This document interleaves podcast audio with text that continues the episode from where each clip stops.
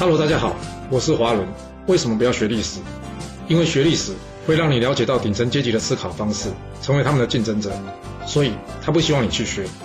还有学历史会让你看到许多前人成功及失败的案例，你的竞争对手想要好好的睡个觉，所以他也不希望你去学。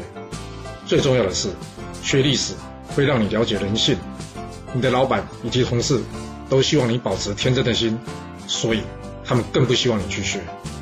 就是因为这些原因，接下来我要跟你说的是故事，而不是历史。今天的主题是环境变，人也要变。我们刚刚在春秋第一百一十四集的故事中讲到，在经过三百年的纷纷扰扰，这历史的巨轮终于从春秋时期推进到下一个时代，也就是战国了。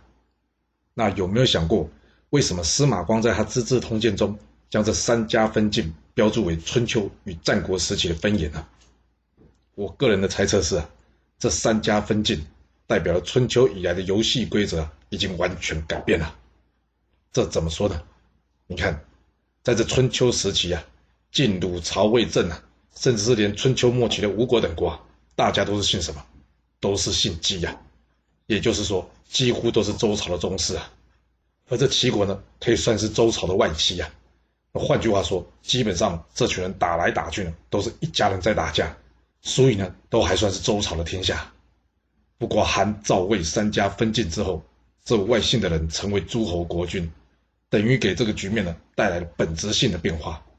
加上后面田氏代齐，这战国的七大国之中呢，除了燕国以外，几乎与周朝宗室的关系都不大了。那怪不得接下来的战争就越来越猛烈了。这种春秋时期灭齐国、存其氏的做法，到战国就不流行了。要是生活在那个年代的诸侯没有注意到三家分晋其实已经造成了整个局势根本性的变化的话，那接下来就很可能快速的被这历史的洪流给吞噬了。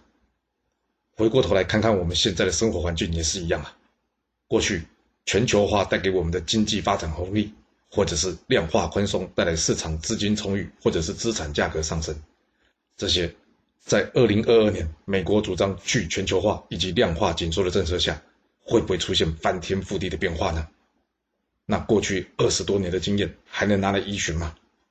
这点是不是该在投资，或者是说担心通货膨胀进行投资之前，应该要谨慎思考的点呢？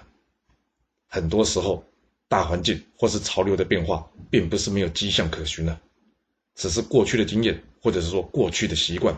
常常会影响我们的判断模式。今天出太阳，不代表明天不会下雨啊。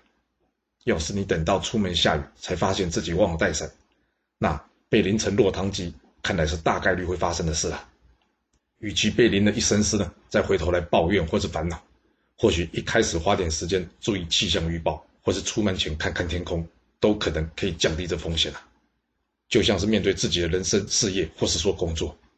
你是会一天过一天不去想明天，还是会有意识的去规划去做，让今天努力做一点，变成明天可能会好一点的动力呢？或许有人会说，这得花多少时间，多累人啊！因为上班已经很忙了，所以回到家只想休息，只想追追剧，看看八卦。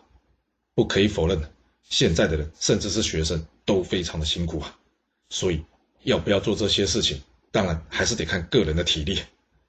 要真的想做，建议可以帮自己找一个比较小或是比较近的目标，这样或许比较能持续，或是说没有压力。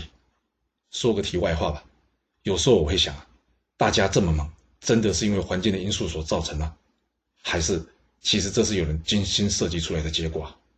从学生时期开始啊，就有让我们写不完的功课，到了上班以后呢，则是有做不完的工作或是加不完的班，大量辛苦作业的结果。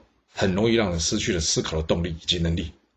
一旦人不去思考，很多事情就会变得只想要知道答案，而不在乎过程啊，或者是说只想要简单的结论，而不管逻辑上是不是合理啊。这到底是谁希望要有的结果呢？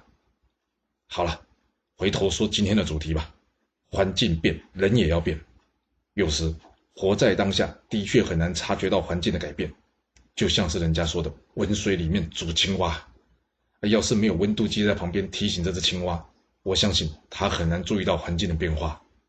那我们是不是也该找个生活中的温度计放在我们旁边，提醒我们自己呢？比方说，我们所拥有的财富，这个财富所对应的购买力量，是不是一直都是一样的？还是它正在不断的下滑，就像是这温度不断的上升一样呢？要是购买力一点一点的流失，但是我们没有发现，那我们会不会变成温水中的青蛙一样，不知道自己慢慢陷入了危险呢？有了自己的温度计，或许我们就不会变成温水中的青蛙，你说是吧？若您有其他的想法，也欢迎留言分享你的看法给大家哦。好啦，我们今天先说到这。如果你就是不听我的劝，想知道完整版的故事内容，你可以从说明栏找到我爱故事频道的连结。不过记住哦，你是来听故事的，而不是来学历史的。要是您喜欢这个频道，麻烦您动动您的手指，追踪、留言，或是给我五星评价的支持以及分享。谢谢您来收听，我们下次再见。